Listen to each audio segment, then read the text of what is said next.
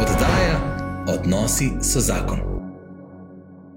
Dobro dan in lepo dobrodošli v še eni oddaji Odnosi so zakon, v katerem je danes veliko čast gostiti upokojenega načkofa, gospoda Marjana Turnška. Dobro dan, lepo pozdravljen. Dobro dan, pozdrav. Bogdaj.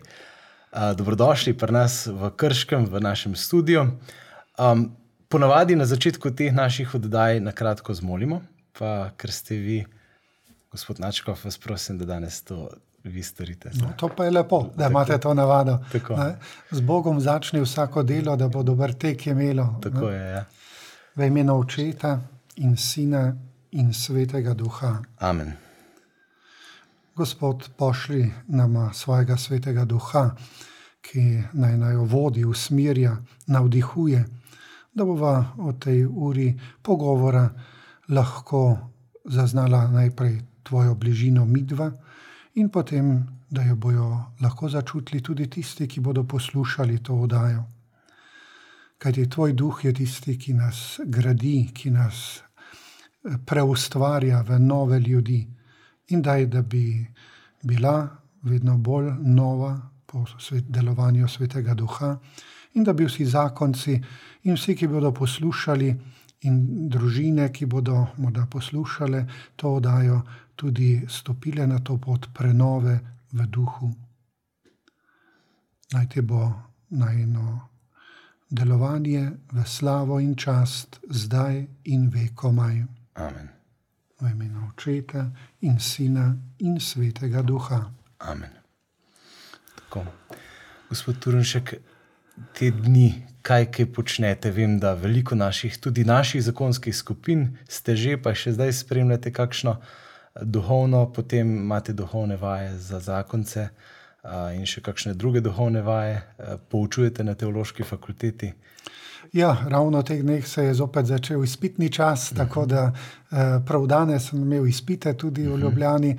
In do sredine septembra bo še nekaj tega, hkrati potem tudi priprava na novo akademsko leto, tudi v okviru fakultetnih svetov in drugih ustanov. Je kar veliko dela in posla zdaj. Le. Eh, po drugi strani je pa veliko eh, možnosti za to duhovno rast pri ljudeh, prav v teh časih dopustov, počitnic. In sem že imel nekaj duhovnih vaj za zakonce, tudi za kakšne druge skupine. Eh, tudi ta vikend bomo imeli z eno zakonsko skupino duhovne vaje v Vržeju.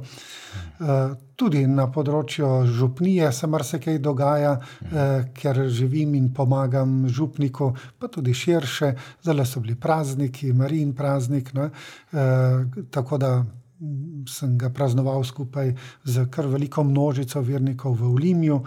Eh, potem preberem kako stvar, napišem kako stvar, potem pa še tako le mimo grede, me kdo povabi v kakšno oddajo ali tukaj, ali radio ognišče, ali uh -huh. tudi kje drugje. No. Tako da dela ne zmanjka. Ne zmanjka, kaj ne.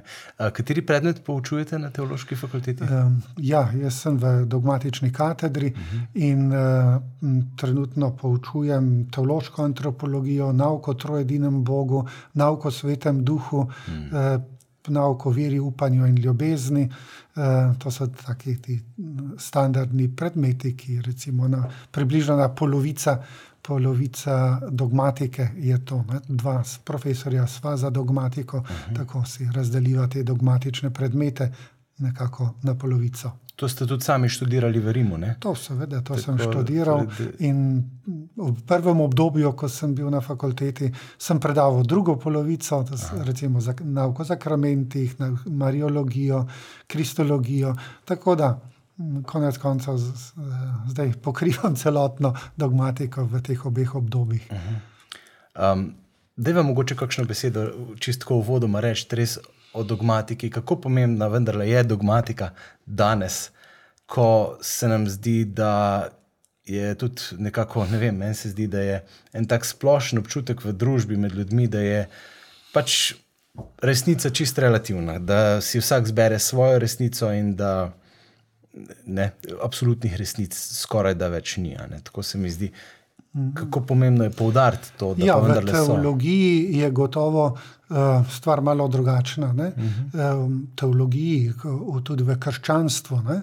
Torej, v krščanstvu, uh, ki je razodeta religija uh -huh. ali vera, pomeni, da je vir vsega, tudi znanstvenega raziskovanja, uh -huh. razodetje. Uh -huh. Razodetje nekoga, ki je onkraj našega načina bivanja, ki je eh, tudi na, eh, ja, drugačen od nas, popolnoma drugačen mm -hmm. od nas. Ne? Zato lahko v njem kaj rečemo samo, če nam on kaj o tem pove. Mm -hmm. In to je razodetje. Mm -hmm. In za nas je resnica to, kar je Bog razodel. Mm -hmm. Kar je Bog razodel o stvarih, o stvarstvu, ne? Eh, kar je Bog eh, še posebej, kar je Bog razodel o samem sebi in kar je razodel eh, znotraj stvarstva v človeku. Mm -hmm. no, to so za nas izredno pomembne stvari mm -hmm. in dogmatika pravzaprav je tista veda, teološka veda, ki. Eh, vedno znova, v vsaki dobi na novo, izrazi te razodete resnice, mhm. ki so bile razodete v nekem obdobju, v nekem času, torej znotraj neke kulture, recimo judovske kulture, uh-huh. medtem ko mi živimo v čisto eni drugi kulturi danes uh-huh. in je potrebno na nek način prevajati, ne? prevajati to, kar je Bog razodel v eni čisto drugi govorici in kulturi, v našo kulturo in v našo govorico, ki pa se danes zelo hitro spreminja. Uh -huh. Če je včasih stoletja na nek način veljala ena govorica, ne? recimo Tridentinski koncil je 400 stole, stolet, 4 stoletja na nek način bil zadosten, uh -huh. glede govorice, glede načina. Uh -huh. uh, ampak Potem se je pa pokazalo, da se je svet toliko spremenil, ja. tudi način razmišljanja, pa, pa govorica človeka se je toliko spremenila, da, mora, da je morala crkva na novo premisliti, kako pa danes to izražati. Ne? In to je bil drugi vatikanski koncil. -huh. uh, če samo pomislimo na zakramente, ne? kako koliko je tam noter simbolne govorice. -huh. Pravzaprav je eno samo razodetje v zakramentih, ampak skozi govorico vseh vrst, ki pa se spremenja, tudi dojemanje simbolov se spremenja. Uh -huh. In to je danes potrebno na novo, na nek način posredovati ljudem, ne? na Razložit, nov način. Ja, ja? Ja. No in eh, dogmatika pravzaprav te verske resnice. Iz, vedno znova izraža na nov način. Uh -huh. Jih ne spremenja, uh -huh. ampak skrbi za to, da ostajajo avtentične, uh -huh. čeprav z novimi izrazi. Uh -huh. Uh -huh. Ker se mi zdi, da ravno tukaj, pri tem prevodu, ki ste ga omenili, se mi zdi, da marsikje v dojemanju današnjega človeka to res šepa. Ne? Če so imeli recimo apostoli nekako v tisti prvi evangelizaciji, v apostolski dobi, to prednost, da so z kulturno relevantnimi besedami, načini razlagali, ne vem, Kajros je bil vladar, ne, oziroma tudi Kristus, so vedeli, kaj to pomeni, eklezija, se pravi, crkva je bila skupnost.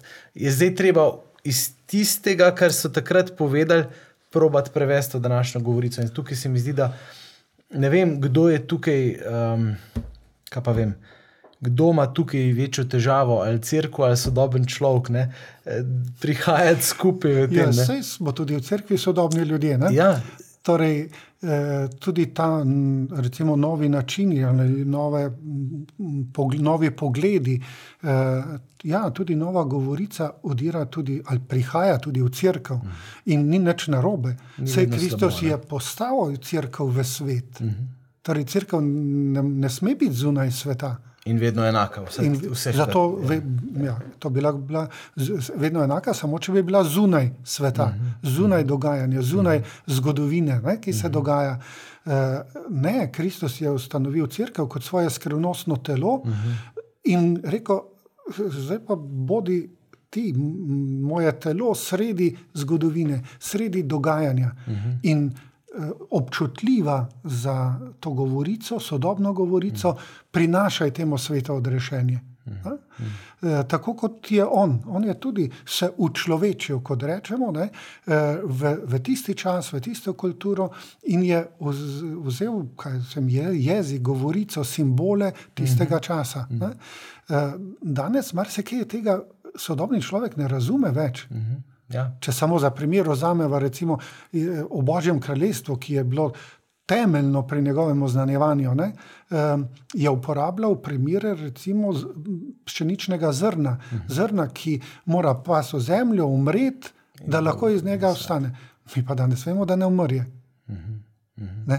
Mi danes veliko več vemo o biologiji, uh -huh. ker poznamo, imamo mikroskope in vse to, in vemo, kaj se dogaja. Uh -huh. uh, zato, uh, če zdaj kar dobesedno vzamemo, ne, ne dobimo pravega pomena, pomena. ki ga je Jezus dal. Uh -huh. je, takrat pa so res videli, da je uh, to zrno segnilo. Uh -huh. Ker je pač en del segnil, uh -huh. e, začel gniti. E, in potem so oni, ker niso filozofsko razmišljali judo, v judovski e, kulturi ne, e, in niso poznali narave in, in pojma narave, sploh niso poznali. Ne. Oni so f, e, razmišljali v, v pojmu stvar in stvarnik. Uh -huh. No, in zdaj, ko so videli, da je to zrno propadlo, so rekli, aha, zdaj pa je stvarnik na novo posegel in je na novo, ker smo mi to darovali na nek način zemlji in njemu, je zdaj na mesto tega enega zrna nam dal 30, 60, 100 sad. Poudarek je torej na tem, da je Bog posegel Vmes. In to je podoba za no, Božje kraljestvo. Mhm. Božjega kraljestva ne moramo mi sami ustvariti mhm. med seboj, pa imamo lahko še tako lepe medsebojne odnose. Najbolj srečna družina ne more ustvariti Božjega kraljestva med mhm. seboj, mhm. ker je to bo zastonski Božji dar. Mhm. Torej, Bog mora posebej poseči v naše medsebojne odnose, da tam preustvarja eh, našo resničnost v Božje kraljestvo. Mhm. Podobno, kakor, kakor pri maši, ne, vzamem kruh in vino, uh -huh. Ampak je božji poseg, ne mašnikov. Uh -huh. uh, poseg, uh, niso mašnikove besede, pa geste tiste, ki spremenijo kruh v Kristusovo telo in vino v Kristusovo kri, ampak on sam, ja, seveda, po duhovniku, po mašniku, ker je tako sam določil, ne, uh -huh. ampak to je zaradi nas, da mi vemo. Da se je to tu res zgodilo. Ne, ne zaradi kdo bi lahko tudi Ker brez nas naredil. Ja, ja, ja. Brez nas bi lahko to naredil. Ampak Razum. razumete, te vidne elemente je uporabo za to, da ne, tako tudi pri zakramentu zakona, ne, zopet eh, tam vzame eh, na mesto kruha in vina, ne, kot, kot pri Maši, vzame tam medsebojno ljubezen moža in žene, ženina in nevesta in njuno obljubo znotraj te ljubezni, da si bosta ostala zvesta v sreči in nesreči, v ljubezni, bolezni in zdravju, vse dni do konca svojega življenja. Vidite, ta obljuba znotraj medsebojne ljubezni, to bo ko zame in spremeni. Mhm. Spremeni to človeško resničnost uh -huh. v način svojega prebivanja na zemlji. Uh mhm. -huh. In to je zakrment zakona. Ne? Uh mhm. -huh. ne samo zveza med možem in ženo, ampak zveza med možem in ženo, ki sta jo odprla Kristusu, da lahko on zdaj na poseben način živi, prebiva na svetu v njunem odnosu. Tako kakor po Euharistiji, v, kruhu, v podobi kruha in vina, tako bi tu lahko tudi rekli, v podobi ne, zakonske zveze prebiva Kristus na poseben način, svojo velikonočno skrivnostjo. Mhm. In tudi sklicevanje na zakrament svetega zakona v čisto praktičnem smislu pomaga dejansko. Ja. To vidimo v, ja. v konkretnih življenjih in v konkretnih odnosih. Um, ja, je, to se mi zdi zelo pomembno. Da, uh, ja, da mož in žena, ki sta sklenila zakrament zakona, verujeta, uh mhm. -huh. da v njunem odnosu. Na poseben način prebiva Bog Kristus. in želi prebivati mhm. Kristus v njunem odnosu. Želi. Mhm. In seveda, tam, kjer on je, tam tudi on deluje tam tudi sodeluje pri stvarih. Ne? Ravno to sem hotel nekako poskusiti. V bistvu ta cela oddaja je, je najmanj poizkus tega, da pripeljeva to razumevanje, kako to božje delovanje v posameznikovem življenju in potem skupaj v življenju obeh zakoncev, ne, eh, kako je Bog tisti agens, tisti dejavnik, ki preustvarja najo, najprej mene kot posameznika in potem najo kot para. Um, pa vendar, da se še mečken vrnem nazaj na tisto prevajanje. Ne? Se mi zdi, da danes, dokler, do trenutka, ko človek ne vstopi v to resničnost, dokler pravimo, dokler ne, nima tega spreobrnenja, dokler ne pride do neke osebne, žive, dejavne uh -huh. vere, mu je vse to nekako španska vas. No, vse to je tudi Pavel govoril, da meseni človek ne ja. more razumeti tega. Ne? Ampak kako poskusiti vendarle povedati, razložiti, pričevati. Mislim, res uh, se, se to iz življenja vidi, ampak vseeno se mi zdi pomembno, da skozi, ja, skozi teologijo, skozi dogmatiko, skozi pričevanje življenja, pa vendar tudi z nekimi besedami, z pričevanskim načinom življenja, da bi znali kristijani. Ne vem, jaz bi rad videl, da bi znali bolj ta štand postaviti za, za to božjo mm. resničnost v današnjem svetu. No. Ja, že Pavel je napisal, pa marsikdo, ne, da je dovolj uh, svetlobe uh, za vse, ne, uh -huh. da bi videli, da bi prepoznali. Uh -huh. Seveda je pa tudi dovolj teme za tiste, ki nočejo videti uh -huh. ali pa niso še sposobni videti. Uh -huh. Ampak je pa dovolj luči. Uh -huh. uh, v stvarstvo. Pavel je zelo zanimiv, ne, ko, je, ko govori za ljudi, ne, ko hodi okrog po svojem misijonu. Ne, eh, najprej se sreča z ljudmi, vedno in tam začne s svetim pismom. Ne, in uh, utemeljuje, recimo, potem tudi. Uh, Oznanilo v Jezusu Kristusu na svetem pismu, ne, da dokazuje, ne, da so že preroki govorili, mm. in tako naprej. No, ko gremo v Atene. Ko gremo Atene, v Atenah, ne, tam pa začne s stvarstvom. Mm. Da je Boga mogoče spoznati preko stvari. Mm. Ne, da ne morejo, tako čisto bi lahko rekli, filozofski pristop. Ne, mm. da, uh, ja, če vsaka vidi, mi vidimo, da ima vsaka stvar svoj vzrok, mm. nič se ne zgodi brez vzroka. Mm. Ja, kako pa potem, da sploh stvari so? Je a, je, a, je prva, a je prva stvar tudi imela vzrok? Uh -huh. Če je imela vzrok, ni bila prva. Uh -huh. Če pa ni bilo prve, pa tudi druge ni. Uh -huh. Ker pa druga je, ker mi smo. Ne, recimo tako, ne, jaz bi lahko rekli, čisto tako s tem filozof, naravnim filozofskim pristopom začel odstirati pot, -huh. uh, čeprav to niso bili. Uh, ateisti, ne, -huh. vsaj večina ne, ne, e, to so bili verniki, ampak pogani. Ne, -huh. Poganski verniki pomeni, da so imeli uh, nekaj tega naravni čut, ne. čut, nekaj odprtega, -huh. za, zato so imeli atence. Uh -huh. Uh, tudi so imeli neznanega Boga. Ne, in je tako, skozi vite, skozi takav. Vstopna mesta je vstopal. In za me se mi zdi zelo pomembno to, da mi to danes znamo. Poiskati in poiskati. Torej, izhodišče oznanjevanja nisem jaz uh mhm. -huh. ali pa kristjan, ampak tisti, ki ga srečam. Ja. Tako je tudi Jezus delal, ni za vse enako postopal. Pomeni najprej odkriti, kje ta človek je. Uh mhm. -huh. Čisto človeško, v svojem miselnem svetu, ne? in potem videti, da pri vsakem se bo našlo neko vstopno mesto, in tam začeti graditi. Ne? Zdaj, lahko je to tudi v zakonu, ne? ko prideta skupaj dva versko, recimo, različno. Pripravljena, ne, pa, kar, je različne, pogosto, kar je zelo pogosto, imata, ja. imata zelo različna izhodišča. Ja. Da, velika nevarnost je, da tukaj tisti, ki ima nižje izhodišče ali skoraj minimalistično izhodišče, uh mhm. -huh. potegne za seboj tistega, ki je v zakon prišel malo, malo bolj versko oteme, uh -huh. otemeljen ne, v veri, da ga, da ga potegne za seboj. Uh mhm. -huh. Kar je seveda po eni strani logično, zato ker po izvirnem grehu smo nagnjeni k slabemu. Uh mhm. -huh. In za slabo se ni treba veliko truditi, no? če, se yeah, ja, yeah. če se sploh treba truditi za slabo. Medtem ko za dobro se je potrebno. In zato je tako po naravi človek, pa ni zdaj po izvednem grehu, ni nagnjen k temu, da bi se fejs trudil. Samo od sebe, samo od sebe, gre bolj na vzdolj. Ne? Ja, je, je treba neka spodbudo. Ne? No, vidite, ampak zdaj v tem primeru, ne, pa če pa imamo recimo tega, ki je Eh, nekako bolj zasidran v Bogu, ima osebno izkušnjo Boga, ne?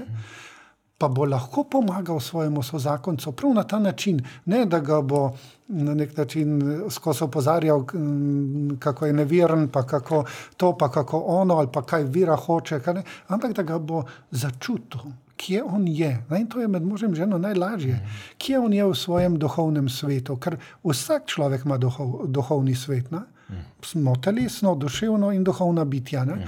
In zdaj ga prepoznati, kot ga prepozna telesno, ne? tudi ki ima svoje vrline, ki ima svoje šibke točke, uh -huh. potem tudi duševno pomeni ta plat čustev, volje, razuma, spomina. Ne? Ga hitro spozna, kakšen je tukaj, ki ima dobre točke, ki ima šibke.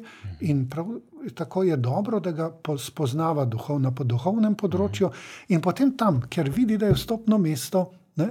Že to, ja, re, če ne drugega reče, ja, sej, verjamem pa je, da je nekaj nad nami. Oh, odlično, ne? to je, je Pavel v Atenah. Ja. Zdaj pa začnemo. Ker obstaja pa tudi nevarnost, ne? da bi pa poskušal na vsak način ga nekako.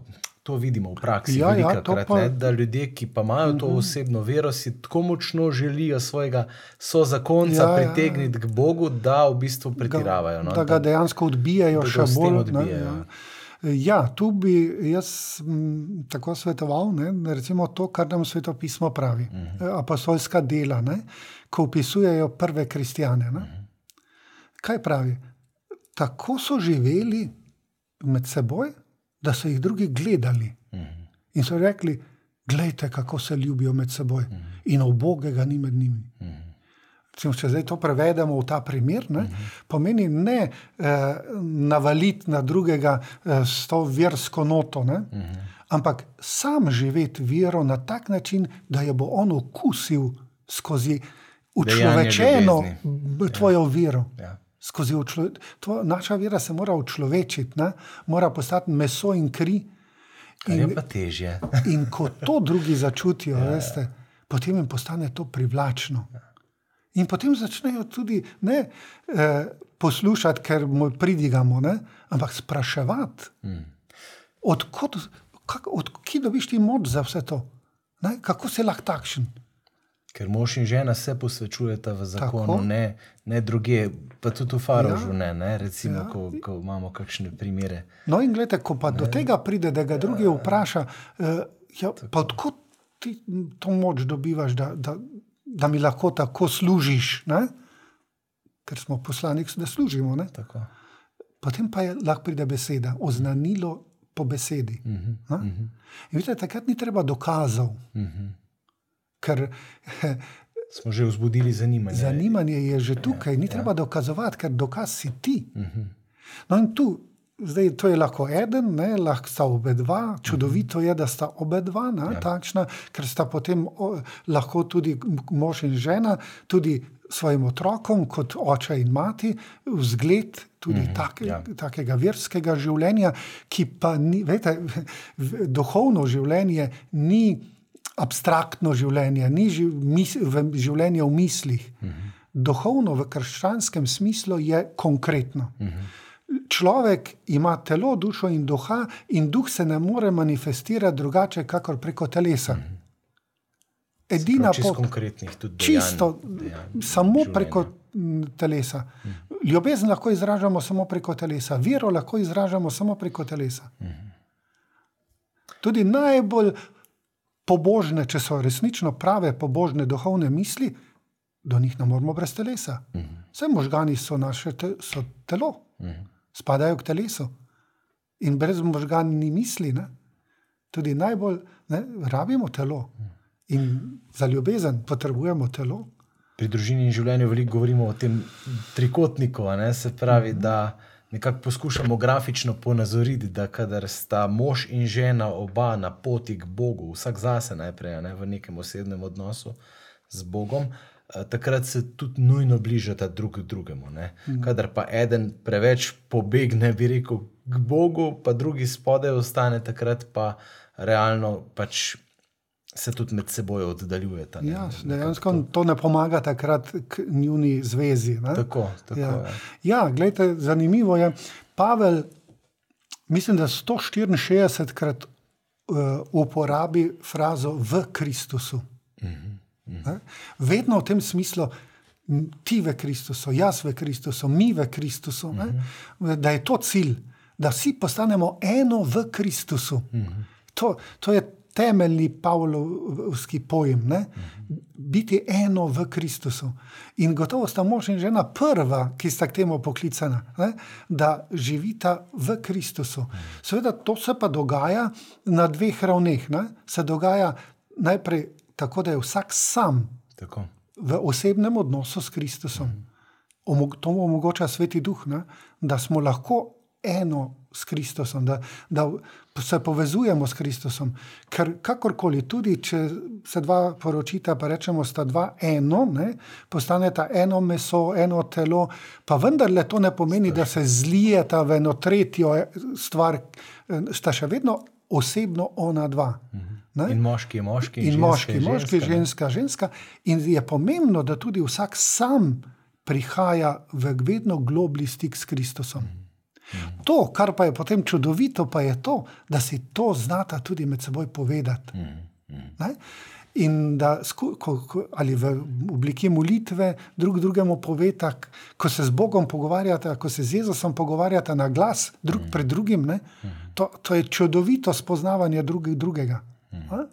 Eh, Ko skupaj molita, tudi eh, svoje skupne stvari izročata Bogu, ali prosita, ali se zahvaljujeta, ne? Eh, in predvsem prepoznavata resničnosti z božjega vidika. Hmm. Torej, kaj najna, najno skupno življenje, družinsko življenje, kaj konkretne stvari pomenijo v Bogu, hmm. kako jih Bog vidi, kako jih Bog razume. Ker pomembno je to. Ne, to je ta trikotnik. Ne, uh -huh. ne samo mi dva, potem pa še Bog zraven. Ne, in morda eh, samo kot tisti, ki ga kličemo, naj pride k nam, da nam pomaga izpeljati naše Naše načrte. plane. Ja, Ja, ja. ah, Ne, eh, Bog hoče, da mi sprejmemo njegov plan, ne, ki je za nas najboljši. Tako verujemo, Točno. da je za nas najboljši, boljši od vseh naših. Ampak da do tega pridemo, moramo pa skupaj biti, ne, skupaj z Bogom. Skupaj z njim biti. hoditi in to začeti izkušati v življenju. ne, skušati, čisto konkretno, ja. in tudi mož in žena skupaj to razpoznavati. Ja. Papež Frančišek samo morda to Mhm. najpogosto zdaj pravi, kako pomembno je razločevanje. Mhm. In tudi tega ne znamo preveč dobro delati. Ne? Da razloč, raz, duhovno razločevanje, ne? kaj je od duha, kaj ni od duha. Ne? In tu, se, tu si lahko tudi mož in žena zelo pomagata. ne. Seveda, Seveda, oba la- v Kristusu Ja, imata pravilno usmerjeno vest in tako naprej. In, in to, ja, lahko ta okus po Bogu, veste, gre ja, za to, ja. ne, da duhovni okus po Bogu skupaj eh, okušata. To je najlep, nekaj najlepšega. Ja, in potem ga tudi ne bo ta zgrešila. ja. Pa vseeno potem, zakaj gre. Ne? Ali gre za službo, ali gre za gra, gradnjo hiše, ali eh, menjavo avtomobila, ali za spolnost, ali za otroke. Ja, ja. Povsod, eden, ki ima okus po Bogu, ne pozabi več tega okusa. Uh -huh. Ne? Eno anegdoto povem. Ne? Um, ko je še mama živela, je uh, izredno dobro skuhala kumarce. Hm? In to s krompirjem. Tako, ne? In to je mama tako dobro naredila, ne, da sem jaz v Rimu enkrat, sem, ne vem, kakšne prilike, ampak mm, je na, na to nanesla beseda, tudi v, v, prav v okusu po Bogu. Ne, sem dal pol to primero. Sem rekel, gledajte, če bi tukaj na s- trgu svetega Petra bile ob kolonadah, okrog in krog, eh, krožnik pri krožniku, eh, kumare, ne, ki bi jih različne eh, žene, gospodinje skuhale. ali pa gos, ali pa- skus- kuhari skuhali, in bi jaz šel pa probal, jaz bi ugotovil, katero je moja mama skuhala. Uh -huh. In gledajte, tako je mm, okus po Bogu. Ne? Ko ga enkrat imaš, ko se enkrat z njim, ja. potem ga boš prepoznal vedno in povsod. V hudih in v lepih trenutkih. Boš vedel, a je Bog, a je hudič zraven. Ja. To, to ni možno več zgrešiti. In tukaj ima veliko nalogo, pa to je naloga crkve, da nove generacije privede do tega, da jim to omogoči. Seveda skozi vzgojo, skozi verug, skozi druga srečanja, druge načine, ne? ampak tudi po možu in ženi. In glavna naloga, tako, eh, ki jo Bog v zakramentu zakona da zakoncema, niso otroci. ti po naravi pridejo, bi lahko rekli. To je Bog dal po naravi. To, kar je glavna naloga, je, da drug drugega pripeljeta v nebesa za Kristusom. Amen. Ja. To, to je naloga. Zdaj, v pripravi se mi zdi na za, sklenitev zakramenta zakona, bi ta vidik moral biti izredno poudarjen. In tam, kjer se vidi, da ljudje niso še pripravljeni za to, bi potreben bil en eh, katehumenat, Katehumenat, nek, neka pot. Ne? Ja. Imeti neko pot, ki pa je seveda ni zdaj generalna za vse enako, ampak za, tega, konkre- za ta konkretni par je treba narediti en, en itinerarij, kako pripeljati ta dva do stopnje, da boste vsaj minimalno to sposobna. Tako. Ker šele takrat bosta ona dva vedela, čemu sta rekla da. Mhm. Točno. In Kaj je takrat, krščanski in zakon takrat sploh? bo, Ja. bo, šele takrat bo zakrmen zakona dejansko veljaven. Uh -huh. Ker če eden obljubi, pa ne ve, kaj je obljubi, Uh -huh. eh, ne more biti to veljavno, ne more delovati.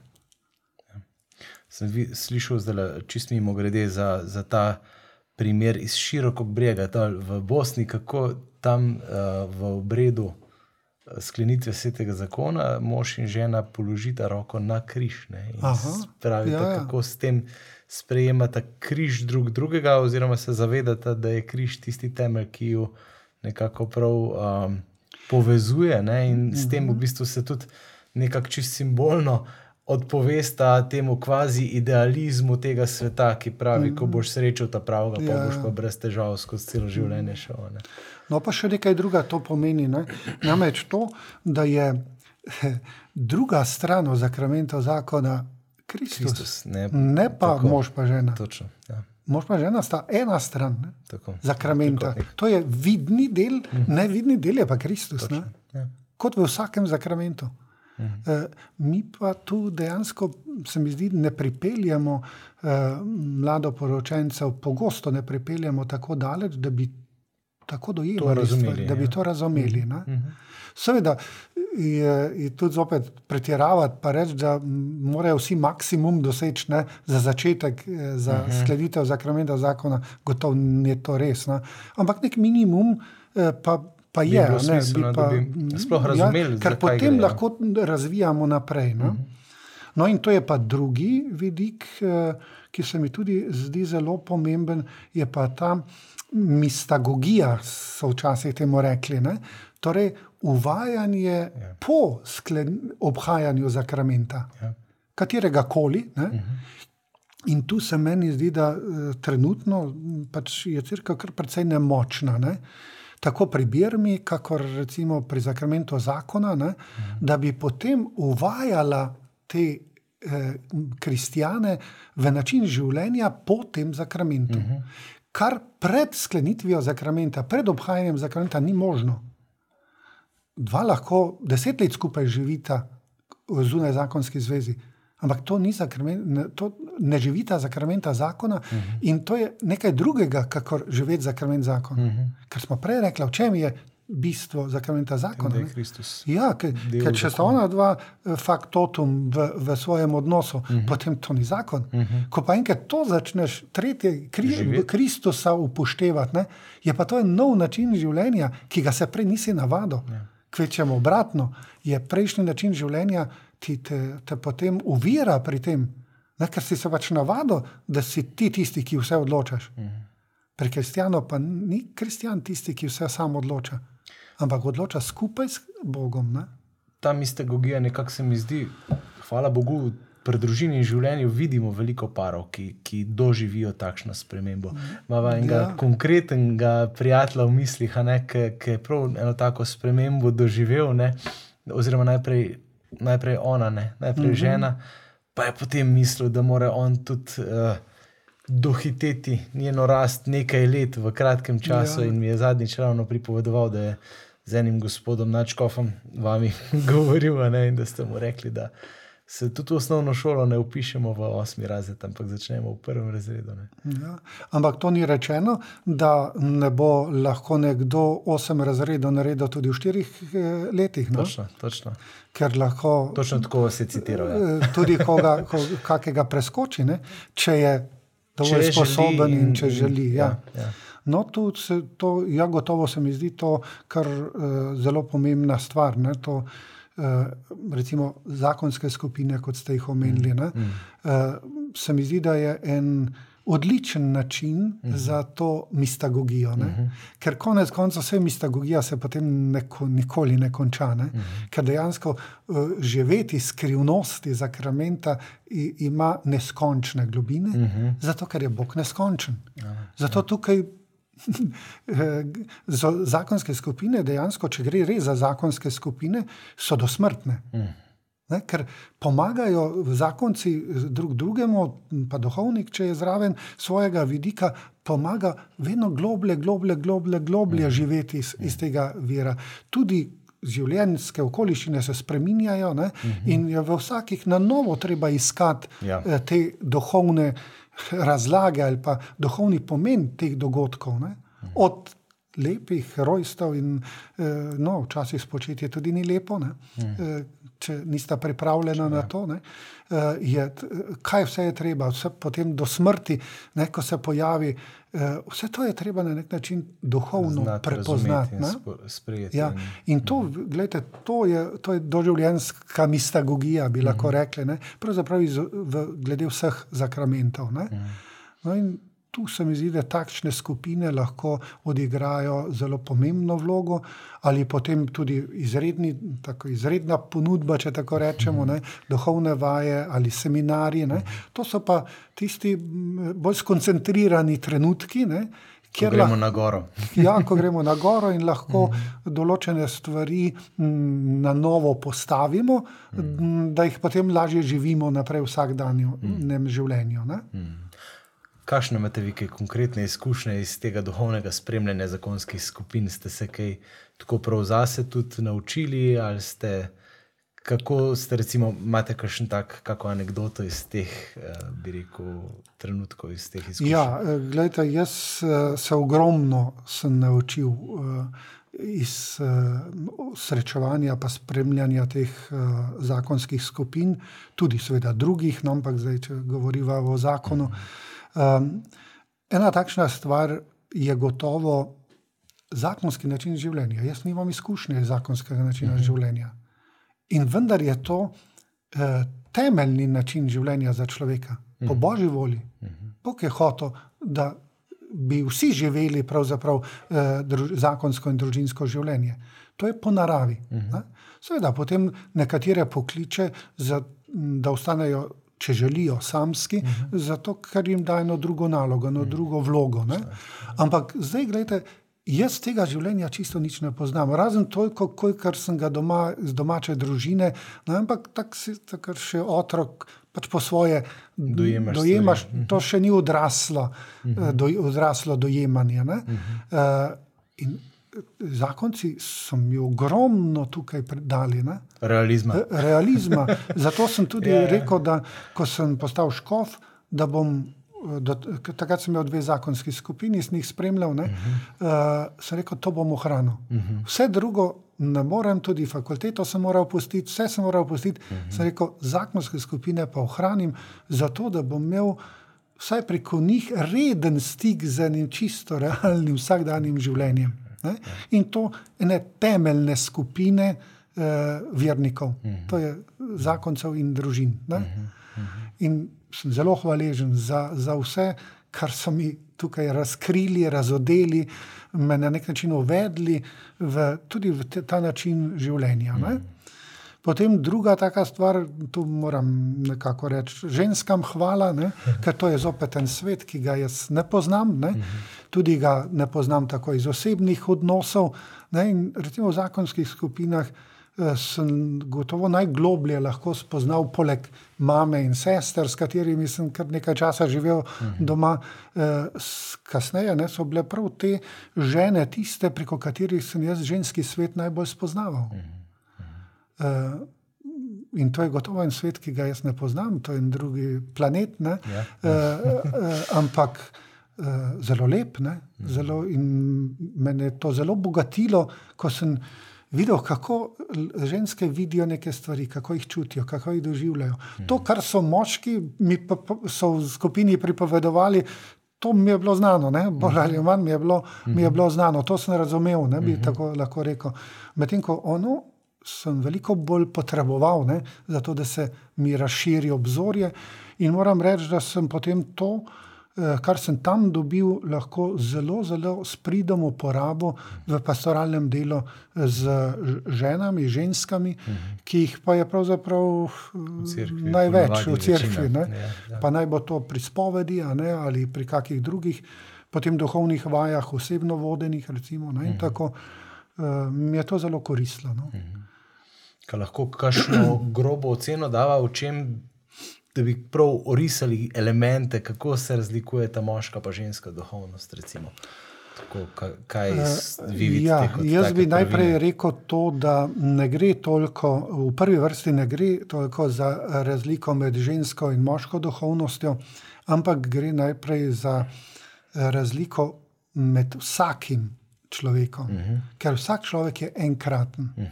Tudi moški vsi vse ne doživljamo enako. Uh -huh. Ne vidimo vse enako. Uh -huh. Torej, tudi mi si imamo med seboj kaj zadati, uh -huh. kaj zapovedati, se uplemenititi med seboj uh -huh. eh, kot moški. Ne. Dobro, ko, z ženskim svetom še toliko bolj, ne. tudi tam z, nam one lahko nas obogatijo. Ne. Ampak ni, eh, ni ene šablone, ko bi ja. rekli, tole je pa zdaj moško, tole je pa zdaj žensko. Okay. No, mogoče smo včasih imeli to preveč tako eh, postavljeno, tudi zato, ker je tudi celotno življenje bilo tako moško in žensko zastavljeno. Pa vprašanje, če je to čisto res. Uh -huh. eh, ker se mi zdi, da eh, če je Bog ustvaril svet, pomeni, da je predvidel tudi vse možne situacije. In situacija v antičnem času in danes je gotovo različna in zahteva tudi različne vloge moškega in žensko. To, se pravi, to je v božjem načrtu. Gotovo pa so tu neke, neke eh, razlike, ne, recimo, ki so pa dokaj jasne in opazne. Ne. Naprimer, ena taka stvar je, da je da moški veliko lažje izrazi eh, Bogu svoj, to, kar čuti do njega, z nekim dejanjem. Bolj kakor z ne vem kako eh, dolgimi molitvami. To ne pomeni, da tudi uh, moški ne more dolgo moliti. Ne? Imamo redovnike, kontemplativne redovnike, ki po več ur na dan molijo. Uh -huh. uh, ampak je zanimiv bil Benedikt, ne? ki je rekel: Ora et labora, moli in delaj. Ampak ta in ne, uh -huh. ni uh, in, ki povezuje dva elementa. Ampak to je veznik, uh -huh. ki združuje oba elementa. Kaj to pomeni? Da je za meniha molitev delo in da je delo molitev. Razumete? In to, recimo, to je moška duhovnost. Ne? Bi lahko rekli, to je moška duhovnost, da pravzaprav uh, vse, kar počne, lahko počne kot izraz svojega odnosa z Bogom. Sveda lahko tudi ženska uh, in je tudi ženska pravzaprav k istemu poklicana. Ne? Vendar uh, elementi, ki so tam, uh, recimo, bolj izraženi, so pa verjetno ena nežnost. Ne? Ena nežnost tako v uh, besedi, kot dejanju, kot drži. Ne? Ta moška je delo in molitev. Ne? To je nekaj tako zelo jasnega, čistega, eh, tudi malo trdega, kdaj, ne? Mm, ker delo je trdo, ne? zato je tudi molitev kdaj trda. ne. Medtem ko ženski element vnaša v ta, to trdost ne, sveta, ki je tudi trd, svet je tudi trd, ne, zlasti po izvirnem grehu, prinaša več tega ženske, materinskega elementa Boga. Ne? Zato, smo, zato je tudi ta vidik zelo pomemben. Ne? Mi ga včasih kar spregledamo v svetem pismu, da je Bog tam tudi v stari zavezi prikazan včasih po, z ženskimi elementi. Ne? Z večno Eh, ljubeznijo te ljubim in, ne. Tako potem tudi ruah, ne, ja. duh je ženskega spola v hebrejščini. Ne, in je, že to je tako. Ne, potem ja, ta materina ljubezen, ne, ljubkovanje eh, otroka, Efraima, ne, Efraima. In, glede, to so. To so, so potem elementi, ki po ženski plati recimo, veliko bolj pridejo tako v zakon, kot v družino, kot v družbo. Ne? In seveda tudi v crkvu. V cerkvi je prav, da sta oba elementa uh, nekako prisotna. Enakovredno Glejte, prisotna, no, ko smo že pri tem, ne, na žo- razliki, recimo, ne, jaz vidim, da uh, možje uh, zelo radi pridejo kaj narediti v cerkev ali pa okolico cerkva. Ne? Kako, kakšna težja dela. Ne? In kako pomembno je, da takrat župnik zna to spremeniti v molitev. Ne? Da, ja, to se da, ne, za, za, za, na začetku, na koncu, še vmes s kakim vzdihljajem. Ne, um, ja, ta vidik, da, da moški bolj molijo nekako med vsem. Z nek, Ne? med. Med- tudi- dejavn- med- tudi ja, mi vidimo ja. pri moških pohodih, Tako, ko, ko, se, tako. ko se možje skupaj Ja. hodijo, nekam odpravijo na pot. Ne, Tako. je ta molitev čist drugače pride do izraza. Ne, ja. Kot če se pač pri adoraciji ali kakorkoli. je Ga pa je treba ima navaditi na Ja. to. ne. Eh, Seveda pa bo pa koristilo tudi to, če bo znal priti tudi pred najsvetejše, se tam vreči na tla. ne. Eh, Pa ni treba nič kaj veliko govoriti, ne. ampak samo spoznanje, da sem pred Bogom, pred stvarnikom, pred tistim, ki mi je dal moč ne, in ki tudi eh, krepi mojo nemoč. Ne, recimo. A veste, Tako, no, to se mi zdi. Uh, ampak še enkrat bi počrtal to, da je zelo pomembno, da vsak sam odkriva te svoje plati duhovnosti. Ne, ne da kar po neki šabloni reče, uh, ja, moški smo taki. Ne, ne, uh, ti si enkratno bitje. Vsak, je, tudi moški, je enkratno bitje in mora odkriti, kako, kako je pa Bog njega ustvaril. Ne, Uh, za pogovor s seboj. Ne? Na kak način? Mogoče, ne? recimo, tak lep primer je lahko tale. Ne? Um, tudi razvoj v duhovnosti je, recimo, če vzamemo primer violine, recimo, ne? nekdo ali pa kitare, nekdo igra na violino, ne? pa uh, najprej uh, se uči uh, igrati violino, ne? uporabi darove, ki mu jih je Bog dal. Ne? Ja. Potem drugi korak je, ko reče, gospod, zdaj bom pa jaz tebi zaigral ne? Eh, na to violino. Uh -huh. Ker si mene si ustvaril, violino si ustvaril, dal si mi talent, ne? zdaj ti bom pa nekaj zaigral. Uh -huh. Ampak to še ni zadnja, eh, zadnji korak. Zadnji korak je, ko da ta človek violino Bogu. Hm. In zdaj Bog na to violino igra Hm. in izraža samega sebe. Sveda ta violina smo mi. Ne? Mhm. Se pravi, ta, ta podoba je v tem, da je človek violina. Ne? In najprej se pač učimo, veščine nabiramo, ne? pa se učimo, pa da znamo, pa da lahko delamo, ne? pa eh, poklic in tako naprej. No, drugi je potem, ko rečemo, no, zdaj bom pa jaz, eh, gospod, za tebe nekaj naredil. Ne? Naredimo nekaj lepega za Boga, je rekla mati Terezija. Ne? Ampak to še ni vse. Ne? Zadnja stopnja duhovnega življenja, duhovnosti pa je, ko se Bog, človek Bogu preda. In In reče, tukaj me imaš in ti uporabi vse moje sposobnosti. Mojo voljo, moj spomin, moj razum, moje telo, moje spolne organe, moje s- vse, kar sem in kar imam, dam tebi, ti uporabi. In ti začni igrati zdaj na mene. Ne? In potem se Bog preko mene izraža. In vidite, to, je, to, je, to je največ, kar lahko človek. Ne? Da drugi začutijo, da po meni dela Bog, ne jaz. In k temu smo poklicani, ampak tudi k temu, da si dovoljujemo to postopnost. Ja. Ja. In to posebej v zakonu, Ni druge možje in žene, ne, da si res dovolimo, Ja, da vsak ja. na svoj način vstopa.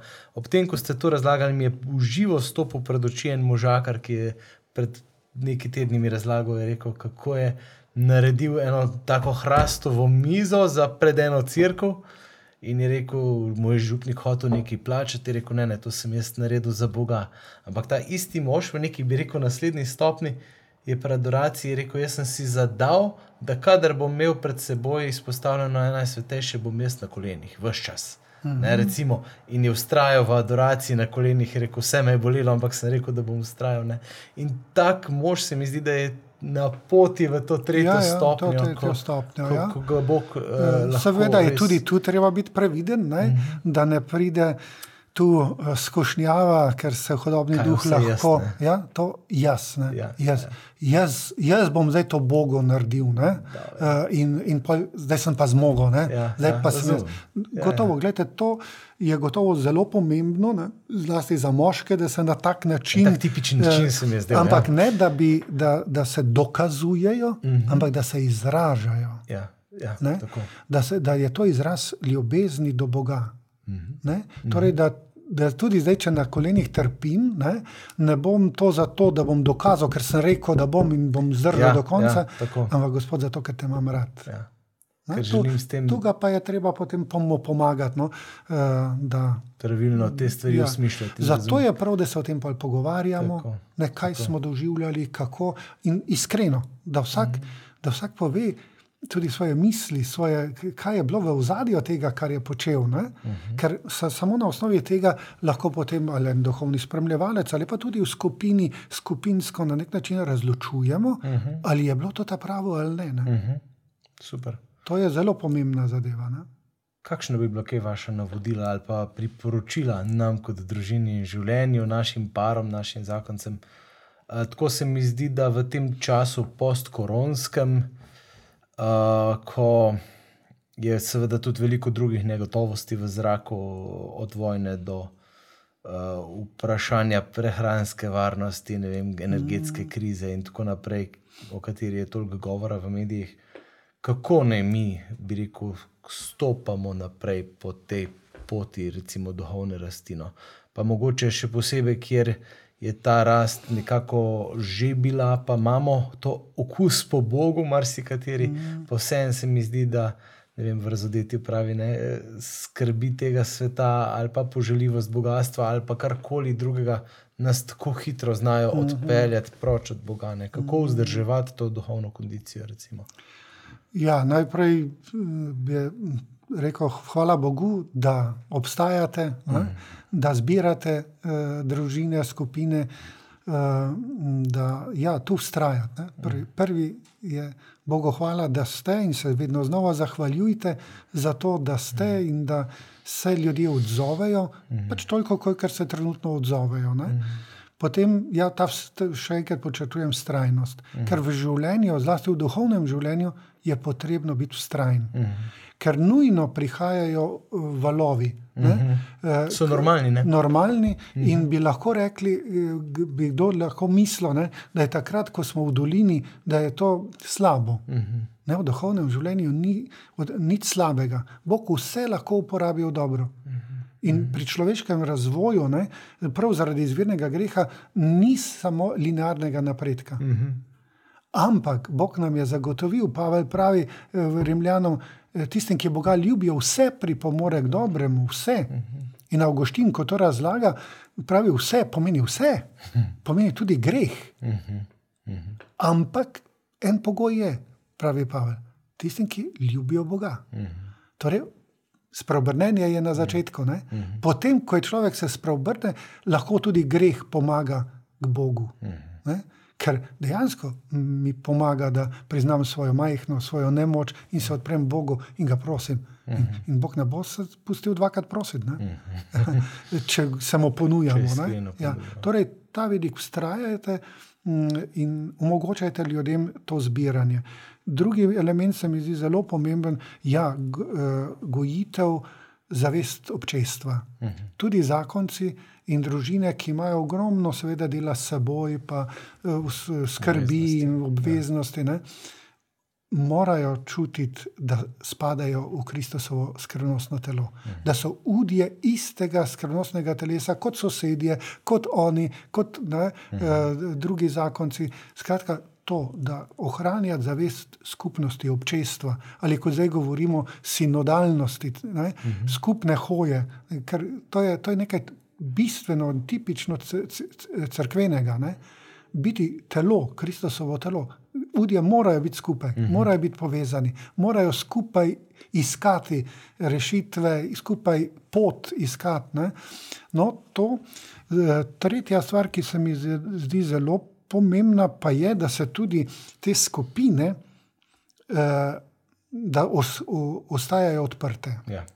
Čeprav v nekem trenutku ne morejo več novih sprejemati, ne? Uh, ampak odprte v tem smislu, da, so, uh, da se zavedajo svoje evangelizatorske vloge, uh Mhm. -huh. da so torej svojo izkušnjo Boga tudi na nek način živijo, dolžni. naprej, ne. ja, In dolžni, ker kot Kristusovo skrivnostno telo, kot crkva, mi smo dolžni v svetu pričati. Uh Mhm. -huh. ne? O Kristusu, uh -huh. ne o sebi, o Kristusu. Ne? In to, kljub temu, da so da oni so eni skupini, ampak da ohranjajo to odprtost na vzven, da oni morajo prenesti svojo izkušnjo vere v svet. Tistim, ki so bolj oddaljeni, ali pa ki so popolnoma oddaljeni, ali ki nič niso še morda doživeli tega. In še ena stvar, ta vidik se seveda ne more zaključiti samo v tem, da da to delajo pač tako, ampak da to delajo tudi znotraj eh, svoje župnije. Torej se mi zdi pomembno, da, da skupine, zakonske skupine, tudi če so sestavljene iz ljudi iz večjih župni, ne, jaz sam sem v treh skupinah takih, ki, so, eh, ki so, niso samo z ene župnije. Ne, eh, in se mi zdi zelo pomembno to, da ohranjajo ta čut pripadnosti širšemu telesu cerkve, ki je konkretno župnija. Eh, Res, da to pomeni različne stvari, tudi dokler so mali otroci, ne vem, kaj ne morejo, ampak eh, v naslednjem koraku, ko pa se otroci nekoliko osamosvojijo, pa lahko ti eh, zakonci ogromno bogatstva dajo tudi svoji župniji. Ja. In tako tudi omogočajo nove zakonske skupine ali so bolj za pevce ali za uh, otroke, za verug. Ogromno možnosti je, kjer lahko tvorno sodelujejo pri življenju cerkve. No, in se mi zdi, da je to je zelo pomembno. Tudi ne samo, da dobro funkcionirajo znotraj zakonske skupine, ampak da ta zakonska skupina funkcionira tudi v, v širšem cerkvenem organizmu. ne. Ja. Hvala, se zelo strinjam s tega. tega. Se, se precej tudi dogaja, smo Ja, res ja. veseli, da ljudje dajo naprej k temu. Tako, jaz to tudi opažam, opozarjamo, ne. vidim tudi iz vaših skupin, eh, iz Diža, ne, Ja. da je ogromno tega podarjanja naprej. Ne. Ja, Zato Bogu, vas res, ja. potrjujem v tem in še prosim, da ustrajate. Tako, Ja. ja. pa, pa res se mi zdi, pa prav ta, če se mogoče za, za zaključek vračava na to osnovno temo, ne? Mhm. Dnevno ustrajanje v hoji z Gospodom, ne? vsak zase Ja, in potem to- oba skupaj kot mož in žena. Izredno Iz- pomembno ja, recimo, branje svetega pisma, mm -hmm. pač tako, kakor je v tistem trenutku človek sposoben, mm -hmm. ampak z vero, da bere Božjo besedo. Mm -hmm. uh, kaj to pomeni? To pomeni, da ne berem samo Božje besede in zdaj, ja, zdaj sem pa svetim pismom. Ne, sveto pismo ni Božja beseda. Božja beseda je tista, ki od Boga prihaja. Torej, ko berem sveto pismo, moram, me mora sveto pismo povezati z Bogom, mm -hmm. s Tijem, ki mi zdaj govori po tej besedi. Rima. Ja, tako brez tega. mm, Tudi branje svetega pisma ni dovolj. ne. Je spet samo ena kljukica, Tako jo- samo ena kljukica, uh -huh. od, lahko celo odtuji ne, človeka uh -huh. od Boga. Uh -huh. ne, torej, Božja beseda me mora pripeljati do tistega, ki jo izgovarja, ker ni samo beseda pomembna. ne. Tudi uh -huh. mi dva zdaj, ko se pogovarjava, ni bistveno to, kar rečeva, ampak bistvo je to, kar sva Mm. ker si sporočava in tudi gledalcem sporočava, kdo mi dva sva. In to bo bolj jih na nek način zaznamovalo, prevzelo kot to, kar sva rekla. Ne, da bi oni to vedeli. Ne? Se pravi, so te božje resničnosti, ki jih ne vidimo, pa jih moramo se jim odpreti. Tako predvsem- odpreti in verjeti in potem. In bolj zavestno to delamo, boljše je. Uh -huh. Vse Bog tudi podzavest, hvala Bogu, uporabi, ne? ampak uh, nas je pa le zavestno ustvaril in želi, da zavestno počnemo. Ne? No, to je eno, recimo, branje in premišljanje o Božji besedi, in to je pa tisto stopanje v, v osebni dialog, stik. Ne? In iskati odmev te besede, ki jo zdaj slišim v živo od Boga ne? v svojem življenju. Ne? Zakaj sem ravno zdaj prebral Ja. Ne, ta, ta odlomek? Neverjetno je, kako prav bo, dnevna Ja. ja. božja beseda velikrat se zdi, Odgovori, je prav za me ja. napisana. Da. To se spomnim, enkrat en, Res. en voditelj duhovnih vaj ne, je na koncu ga eno vprašal. Dajte mi na svet, kako naj berem Božjo besedo, da mi bo pomagala v vsakdanjem življenju. Ne? Je rekel, že imamo načrt. Cerkev vsak dan bere eh, eh, odlomek, dva odlomka Božje besede pri Maši. V teh odlomkih so vsi odgovori za cel svet v tistem dnevu. No. Točno. Čisto konkretne stvari, ki jih priporočamo, Ja. lahko si tudi aplikacijo Lekcionar naložite Tako, na, tako. na mobitel, imate gor dnevno božjo besedo. Recimo, če še nimate, pri založbi Družina izhaja beseda med nami, kjer so premišljanja, ki so spremljevalna k tej mm. -hmm. dnevni božji besedi, to prdižo nekako radi vedno znova uporabljamo, pa mm -hmm. spodbujamo k temu. Um, ja, pred kratkim smo bili ena skupina mož, tako le zbrani v krogu, in smo se pogovarjali o tem, koliko redno beremo svetopismo. No? In se mi zdi, da se je prav videlo, da tisti, kjer je ta rednost vzpostavljena, šprica od dajanja naprej. Se pravi, mm -hmm. tisti potem lahko imajo kaj dati naprej. Ja, gotovo. Um, in uh, tako, uh, gospod Načko, res iskrena hvala za ta obisk. Upam, da ste še kdaj srečali, da še kdaj lahko nas spodbudite. Um, ne vem, mogoče še kakšna zaključna misel. Eh, Ja, že prej sem rekel, da vas podbujam na tej poti vaše dejavnosti, ne, da kar nadaljujete. Eh, Se mi zdi, da ste prinesli v crkvo na slovenskem eh, tako eno, eno veliko spodbudo no, na področju pastorale zakoncev in družine. Ne.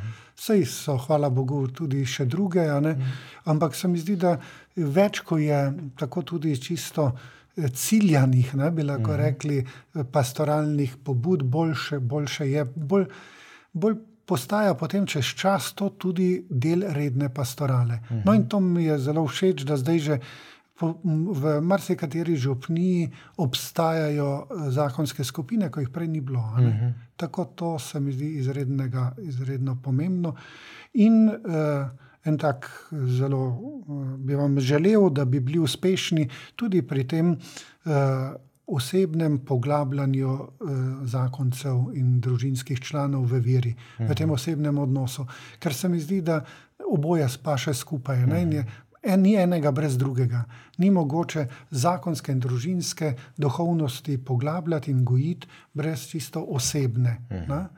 Tako eh, tudi vsej vidim, da imate nekaj teh, teh elementov, recimo prav to odmik za moške, uh -huh. konec koncev tudi odmik za ženske. Uh -huh. ne, eh, to pomeni, da ja, nek, eh, ne, nekaj trenutkov potrebujemo tudi vsak zase, ne samo uh -huh. mož in žena skupaj. Uh -huh. No, jaz recimo na teh duhovnih vajah za zakonce sem prišel nekako do tega spoznanja, da je zelo primerno, da razdelimo recimo po tistih točkah, ki jih imam jaz, da se ona dva razdelita čas do naslednjih točk ne, na dva dela. In prvi del so v tišini vsak zase. Ob božji besedi in ob temi, ki sem jo jaz mogoče malo navrgel, ne, -huh. da vsak sam. Po tem drugem delu pa skupaj. lahko in si pogovorita. najprej si podelita to, kar, kar sta vsak sam premišljala, molila in tako. In vse tudi to v molitvenem duhu, tudi ta pogovor v molitvenem duhu, ne, se pravi v tem v Kristusu, se pogovarjava v Kristusu, ne sama.